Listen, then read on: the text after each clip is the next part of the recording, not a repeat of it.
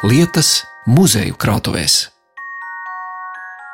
Mēs tādā rudens vakarā dibinājām muzeju ar domu, ka būs kādu dienu iespēja savā ēkā atvērt muzeju, kurā būs pamata ekspozīcija par latviešiem ārpus Latvijas. Un tas nav tikai par otrā pasaules kara izbraucējiem, bet par latviešiem vispār, kas ir izceļojuši gan 19. gadsimtā zemi meklēt uz Krieviju, uz Brazīliju, uz citām valstīm, bet arī par šodienas izbraucējiem, kā viņi izbrauc un kāpēc cilvēki ir izbraukuši, kā viņi kop savu latvietību ārpus Latvijas kādi ir sakari ar šodienas Latviju. Viss kaut kādas tēmas mums ir ļoti daudz un dažādas. Muzejs darbojas jau 16. gadu, un šobrīd tā krājumā ir aptuveni 26,000 priekšmetu. Kamēr muzejs vēl meklē savu īsteno māju vietu, tā izstāžu zāle un pētniecības centrs atrodas vienā telpā Berga bazārā, bet krājums ir izvietots Latvijas Nacionālā bibliotēkā nelielā pagrabstāva istabā. Šeit lūkosim gan Austrālijā, gan Brazīlijā darinātus tautas tērpus, bēgļu nometnēs gatavotas rotas, būs stāsts par latviešu kokvilnas vācēju dibināto draugu un dievnama kroņlukturi Mississippi štatā. Gumijas zābaki vēstīs par šodienas latviešu strādniekiem Norvēģijā, bet raidījumu sāksim ar savdabīgu veltījumu nesenajam mājasēdes laikam saistībā ar Covid vīrusa izraisīto pandēmiju. Kā jau muzeja vadītāja Marijana Auliciema teica, tad muzeja darbinieki vāc un apzina dažādu laiku un dažādās vietās dzīvojošu latviešu stāstus. Tāpēc arī no krājuma dārgumiem Marijana izceļ auskarus. Zils stikla bumbulis aplipināts ar mazām sarkanām un oranžām piciņām mākslinieciski un estētiski skaists rotājums, ko ir radījusi Igaunijā dzīvojoša latviešu māksliniece. Covid vīrusu auskarī, kas ir ugunī darinātas stikla pērles, ko ir darinājusi Laura Šmidebergā, Tallinā. Un Laura tur jau dzīvo 11 gadus, un viņa ir uh, stikla māksliniece.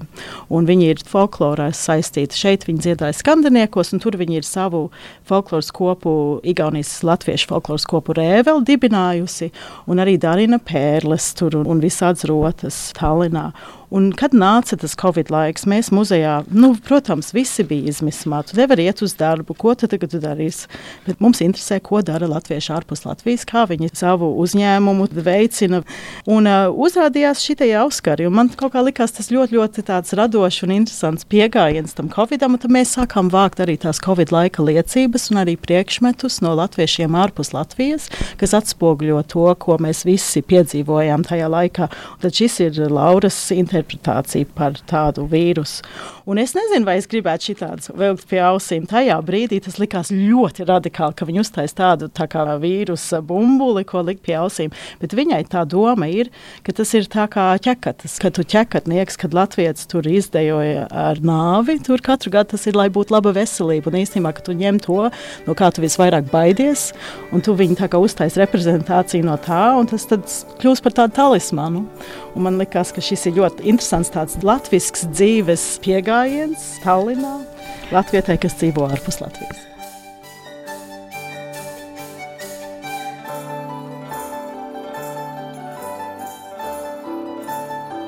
Raidījuma ieraksta reizē muzeja krājuma telpa man atgādina tautas deju ansambļa noliktavu.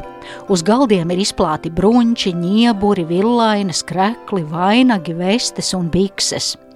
Muzeja darbinieki jau laikus gatavojas tautas tērpu izstādēji uzvilkt Latviju, kas ir paredzēta šī gada jūnijā. Bet mūsu tērpiem ir interesantāki stāsti nekā tautas deju apģērbiem, smējot bilst Marijāna Auliciema. Viņa rāda mītas lindrakus. Vieni ir oriģinālā, ķieģeļsarkanā krāsā, bet citi ir darināti no vilnas segas un vēl kādi no iesarkaniem aizkariem. Svarīgi bija tikt pašam pie sava tautas tērpa. Vienalga, kāds audums gadījās par rokai bēgļu nometnēs Vācijā pēc otrā pasaules kara. Viena daļa tērpi šeit, ko mēs redzam te priekšā, ir tādi, kas ir taisīti bēgļu nometnēs Vācijā pēc otrā pasaules kara, kad latvieši nonāca bēgļu nometnēs, tie, kas bija izmukuši no Latvijas.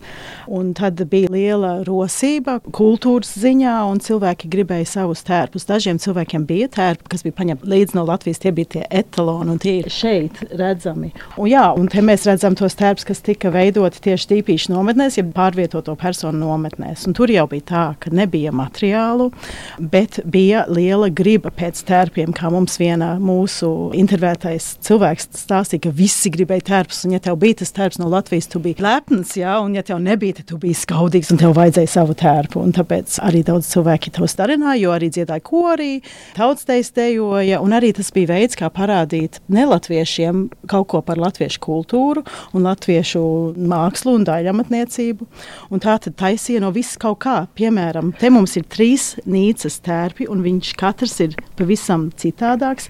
Šis ir uh, tāds tumšāks sarkans, un te ir brunči taisīti no aizskariem, kas ir uh, iemainīts pret kaut kādām citām precēm. Uh, tas tā tāds sarkans trikotāžs šaudums man jā, izskatās. Tāds tumšs sarkans, vairāk tāds asins sarkans tērps. Bet tie raksti ir diezgan precīzi pēc Nīcas tērpa rakstiem, jo latvieši, kuri bija izbraukuši, arī daži bija paņēmuši līdzi savus tautas tērpa grāmatas, un tad tiem, kam nebija, tad, protams, ka dalījās arī rakstīja kladēs burtnīcās, zīmēja tos rakstus, un bija liela interese par to etnogrāfiju un par to, kā pareizi uztaisīt to tērpu. Te var redzēt, piemēram, ir Rucavs tērps. Un vienkāršākais, ko uztaisīt, protams, nav vidzemes tērps, kur ir strīpaini brunči, kur vajag ar audēju sarunāt, ka viņi uzauž, bet paņemt dienvidu kurzem, kur ir tumšs zils vai tumšs zaļš, vienkrāsaini brunči, piemēram. Šeit ir rucava, kur ir iekšā var redzēt, odera, Tur Jā. ir vēl briedīši un skujkoki no kādas vilnas segas redzami. Bet, es pieņemu, ka tā sēga to ir izsnieguši toreiz palīdzības tās organizācijas jā. Mhm. nometnēs. Jā, kādas. un tad tu meklē un tu taisi no tā, kas tev ir. Piemēram, šis uh, puišu krekls, kas ir redzams tur tālumā, tas ir arī no Anglijas militārās trauktviegļiem šūts, ko atcerējās Juris Zemīts, kas mums dāvināja to, ka mamma bija izšuvus rūpīgs un uzšuvus viņam kreklu no tiem Tad balti traukudvieļi sašūti kopā, bet viņi ir izšuvusi krustdūrienā ar ziliem diegiem latviešu ornamentu. Tātad tas viss ir diezgan neaptverami. Un arī nu, tā lielā rūpība un tā mīlestība pret Latviju un mūsu kultūru, ko var redzēt, kā cilvēki ir darinājuši sev tos tērpus, ir ļoti aizkustinoša un ļoti inspirējoša lieta, manuprāt. Te var redzēt, piemēram, ka ir odere no vīriešu krekliem. Niebu odere, ja zili strīpot. Ai, te ir divi vīriešu krekli. Ārpusē ir balta vilna vai kaut kāda pusvilna. Melniem diegiem izšūti atkal ir Latviju raksti. Nīcas nieburs, jā, un jā. iekšpusē divi vīriešu krekli. Un tas ir tas, ka galvenais, kā uz acu skatu, tu redzi to latviešu tēlu, to latviešu princesi, kā viņi nāk tajā vainagā. Un īsnībā tas etnogrāfiskais pareizums, nepareizums ir bijis svarīgs, bet ne tik ļoti svarīgs. Galvenais ir bijis tas, ka tu to latvisko tēlu var pasniegt gan ārzemniekiem, gan viens otram. O, šie ir vēl, var redzēt, saktas, un šis ir stāsts arī atkal par to, ja tev nav sudrabs, ja tev nav tas pareizais metāls, kā tu vari uztaisīt saktu. Un šī ir viena no manām mīļākajām lietām mūsu muzeja krājumā. Tā ir sakta ar piekariņiem, kas ir darināta no lidmašīnas aizsargstikla. Es domāju, tas nav stikls, tas ir kaut kāda ļoti stipra plastmasa, bet to ir Roberts Vītoliņš darinājis. Viņš arī Liepājā daļamatnieks bija, izbrauca un dīpīšu nometnē, ja bēgļu nometnē uztaisīja tādu saktu. Viņš arī vairākas, protams, rotas taisīja, bet šis ir no tāda lidmašīna aizsargs stikla uztaisīts saktu. Skatos šobrīd uz biezu, caurspīdīgu saktu ar diviem piekariņiem, pa vidu tā sakta sadatiņa. Bet vai ir stāsts no kādas lidmašīnas, tā ir kara lidmašīna vai Nē, nu, bet varētu pieņemt, ka tā ir kara lidmašīna, jo mums arī krājumā ir stelles, kas ir eh, darināts no kokiem ņemtām no izbumbotām ēkām, piemēram, Vācijā. Tātad pēc kara bija visādas izēvielas, kas bija tieši nākuši no kara tur tehnikas un no tā kara darbības, un tas arī tika izmantots lietarīgi, kad mūsu latvieši tika pie tām lietām. Un šī te, piemēram, ir sakta no skārda bunžas. Jā, es gribēju jā. teikt, tā kā mm -hmm. alumīnija saktiņa jā. ļoti viegla. Mm -hmm. Bet skaista. Ar visiem tiem burbulīšiem, izbaulētiem. Tad, kad nebija materiāli nometnēs, tad latvieši arī atrada no kā taisīt.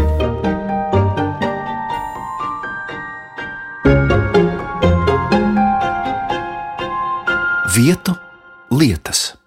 Bet par šo tērpu es tieši gribēju pastāstīt. Jā. Te ir Praulienas tērps, ko darināja Zosāra kundze. Viņa dzīvoja Melburnā, Austrālijā, izbrauca no Latvijas 44. gadā kā bēglis. Un viņai ļoti patika darināt rokdarbus. Viņa dziedāja korī, viņa tautas dejoja un arī bija saimniece bērnu nometnē Sprīdīši. Pēc 60. gados viņa sev divus tautas tērpus uztaisīja. Un viņa bija tāda, ka patika izšūt patika arī adīt. Šis tērps ir ļoti īpašs ar to, ka praulienas brunči ir tumši zili ar baltiem rakstiem, ar tādām tā kā, baltām zvaigznītēm. Tā kā sniegpārsliņas, tā kā krustiņš. Jā, un saņemot šo, nu, mēs bijām tik laimīgi, ka Zosāra kundzes dēls Uve mums uzdāvināja šo tērpu, bet tad mēs apgriežam otrādi un mēs saprotam, ka brunči, kas izskatās, ka viņi ir austi un tas raksts ir iausts, mēs apgriežam, mēs saprotam, ka tas ir viss izšūts krustūrienā milzīgs, liels. Tas ar rokām ir izšūts. Nevis stelēs. Un parasti tieši tautstāju brunčiem vajag trīs metrus audumu, un viņi ir šos trīs metrus izšuvusi ar mazām baltām zvaigznītēm. Tur ir vajadzīga milzu pacietība. Milzu. Bet Cik viņai- gadus viņi ir darinājuši? Es nezinu, cik gadus, bet viņas dēls atcerās, ka viņi to darināja. Un uh, mums etnogrāfa Anita Karlsona, speciālists tieši par tautstēpiem, nesen bija pie mums, un viņa teica, ka viņa iedomājas, ka tas cilvēks, kamēr viņi to izšuja, viņiem Latvija visu laiku ir domās. Kad īstenībā tas ir tāds mīlestības darbs, kur tu visu laiku Austrālijā, kas ir pasaules otrā galā pavisam, tu dari to tik rūpīgi un tik ilgi, bet tu īstenībā domā par mājām tajā brīdī. Tā ir vilna un ar vilnas diegiem. Jo īsnībā varētu domāt, ka cilvēki Austrālijā vai Brazīlijā vienmēr uh, darināja tērpus no tāda viegla materiāla, kas ir labs priekš tā klimata, kad ir- kad ir 35 grādi, tev tu nesvīsti. Bet īsnībā tā nav. Es pati uzaugu Austrālijā, un mums bija vilnas tērpi. un Mēs katru reizi, kad mēs viņus uzvilkām, mēs teicām, kāpēc, kāpēc vajag tos vilnas brunčus, bet tas ir kā Latvijā darināja tautas tērpu. Tādus mums arī vajag. Bet tagad, domājot atpakaļ, tas man liekas bija diezgan nepraktiski. Bet nebija tā, ka varbūt kaut kādā veidā tā vilna arī pasargāja vai ne, nepasargāja. Tur neko tas karsti. bija kārts. bija karsti. Bet es varētu ātri parādīt šo tērpu, kas ir nācis tieši no Brazīlijas. Un šis tiešām ir Vasaras variants. ļoti vasaras variants. Man liekas, ka daudz praktiskāks. Te ir uh, veiklā nopirkts audums, svītrains audums, uzšūti brunči ar kaut kādām faltēm, uztaisīts ņēburs un tad uh, blūze, kas tika vilkta, jeb krekls, kas tika vilkts ar šo, bija vienkārši kokvilnas krekls. Varbūt viņš nav etnogrāfiski pareizs, bet viņš noteikti atkal dod to tēlu, skatoties uz to cilvēku saģērbtu, ka viņš ir tādā latviskā tērpā.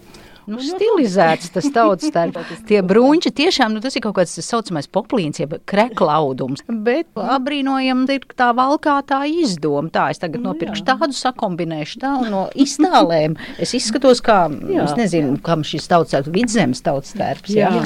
un- un- piebaldzēns. Jā, varētu būt, jā. Meitene, sieviete. Bet Brazīlijā pie brazīliešiem tur pārstāv Latviju un ļoti lepni pārstāv Latviju un runā par Latviju un par mīlestību Latvijai un kāpēc ne?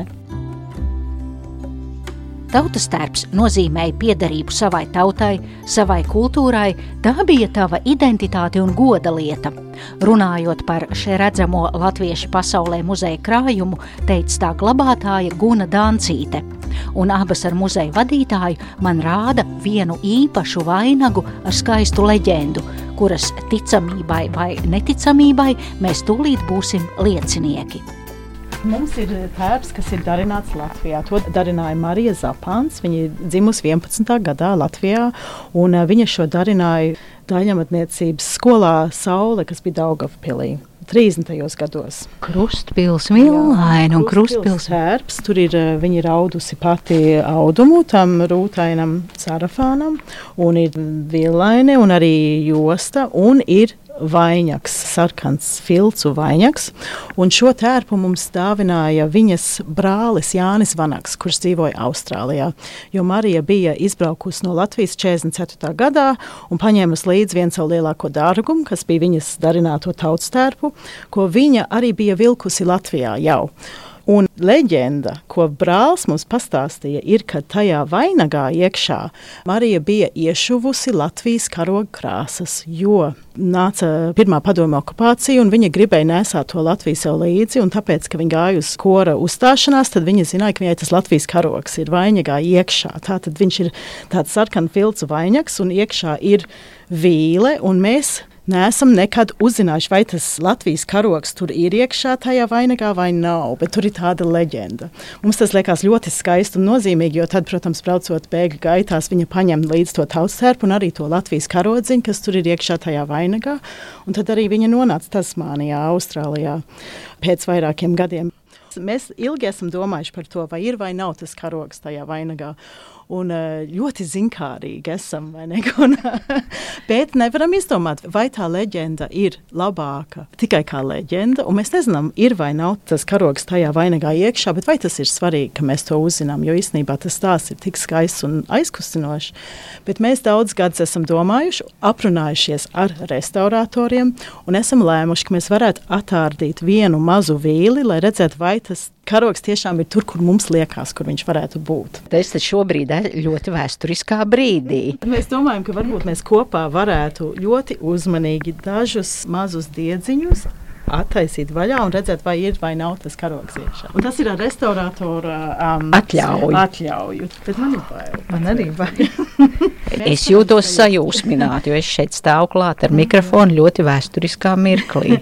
jo mēs varam sajust, ka pie tās um, ka tur ir, ir kaut, kaut kas iekšā, bet vai tas ir vienkārši salocīts audums? Mēģināsim šeit. Krājuma glabātāja Guna ar mazām šķērītēm manikīra tagad ārda vaļā iekšpusē vainaga diedziņu pa diedziņām. Tad mēs uzzināsim. Tur tikai tās pērlītes ir redzamas. Nē, nu pagaidi. Tu domā vēl uz šo pusi? Jā. Jā, pagaidi. Nē, nav. Uz to pusi nav. Ne. Nevar teikt, ka viņš nav. Viņš vienkārši kamēr viss vainags nav uzšķērts. Šitā ir otra puse tam lentīšu, jā. pērlīšu. Mm -hmm. Fragmentam šeit nav. es esmu tik vīlusies. Bet es varbūt arī. jums ir viss vainags jāiztausta. Jā. Mēs attaisījām vienu posmu no vainaga. Jā. Jā. Tā kā vēl mēs nevaram dot skaidru atbildi. Mēs nezinām, varētu Nē. vēl būt. Jo šī daudz... bija visaizdomīgākā, vis iespējamākā vieta, kur varētu būt. Bet Vēl noslēpums nav atklāts, jo priekšā ir darbs ar rentgenu caurskatīt vainagu vai arī to visu cauri zārdīt. Bet kamēr tas nav izdarīts, lai paliek dzīva leģenda par Latvijas karogu ieslēptu vainagā.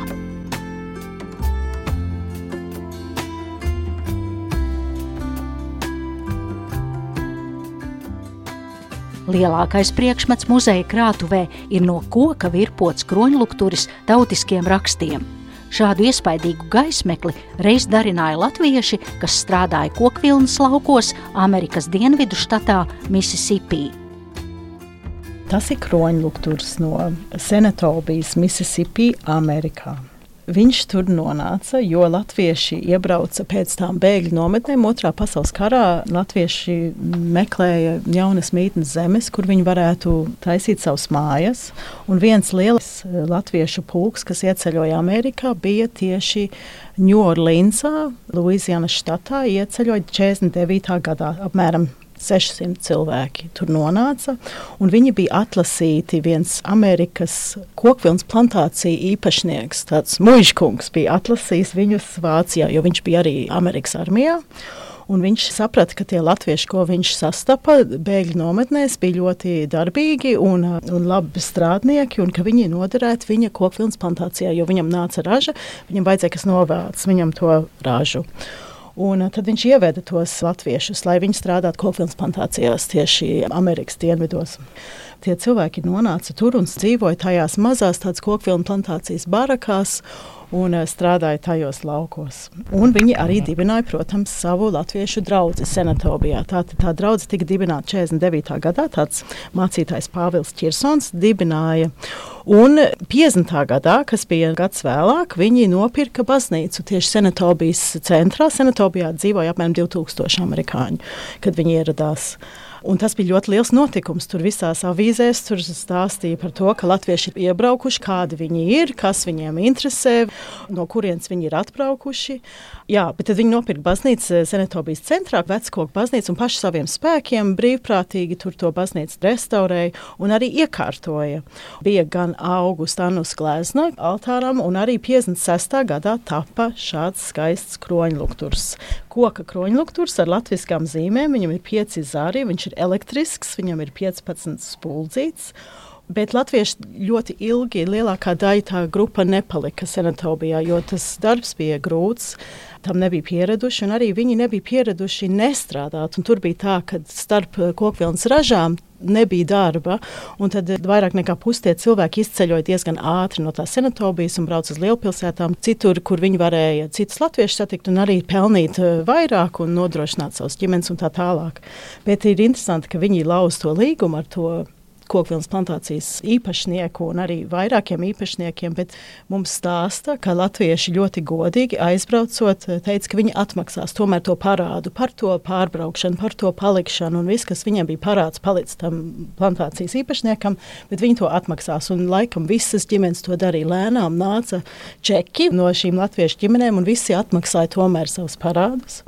Bet senatobijā palika viņa skaistā baznīca, ko viņi bija paši taisījuši ar šo lukturu. Un tā, tā draudzene arī turpināja darboties ar tiem latviešiem, kas bija palikuši līdz kādiem 70, 80 gadiem, kad pārgāja rokās citai draudzēji, amerikāņu draudzēji. Un 90. gados tā baznīca pārgāja pašvaldības rokās. Bet Jānis Students ar savu sievu Ilonu no Ņūdžersijas strādāja tajā brīdī tuvu Mississippi štatam, un viņi uzgāja to baznīcu un atrada to luktūru un teica, nē, ka tas ir tik skaists, ka vajadzētu mums viņu izglābt. Un tā viņi no pašvaldības par 500 dolāriem nopirka šo kroņu luktūru, viņi nomontēja, ielika piekabē un aizveda atpakaļ uz Ņūdžersiju šo kroņu luktūru un izglāba viņu. Un divu gadu vēlāk tā baznīca nodega. Aptuveni 20 gadus kroņlukturis glabājās Ņūdžersijā dzīvojoša latvieša Jura Bļodnieka mājās, līdz juris to atdāvināja muzejām. Un muzejnieki cer, ka tad, kad viņi beidzot tiks pie savām pastāvīgām telpām, tur kroņlukturis varētu būt centrālais objekts. Tikā muzeja darbinieki turpina braukt ekspedīcijās pa visu pasauli, intervējot latviešus un vācot priekšmetus. Galvenais, lai konkrētai lietai būtu stāsts, jo tas rada vērtību tai mantai, teica Marijana Auliciema un rāda man zaļganus liela izmēra gumijas zābakus, lieciniekus smagam darbam Norvēģijā nesenā pagātnē. Bet šie ir īpaši, un tas ir eh, stāsts par to, ka mums arī interesē tie mūsdienu izbraucēji. Mēs 19. gadā bijām ekspedīcijā pie Norvēģijas latviešiem. Mēs bijām Bergenā, un Oslo un vairākās vietās. Un te mēs satikām Lienu Tolku un Rimantu Kobānovu. Un viņi strādā zivju saimniecībā.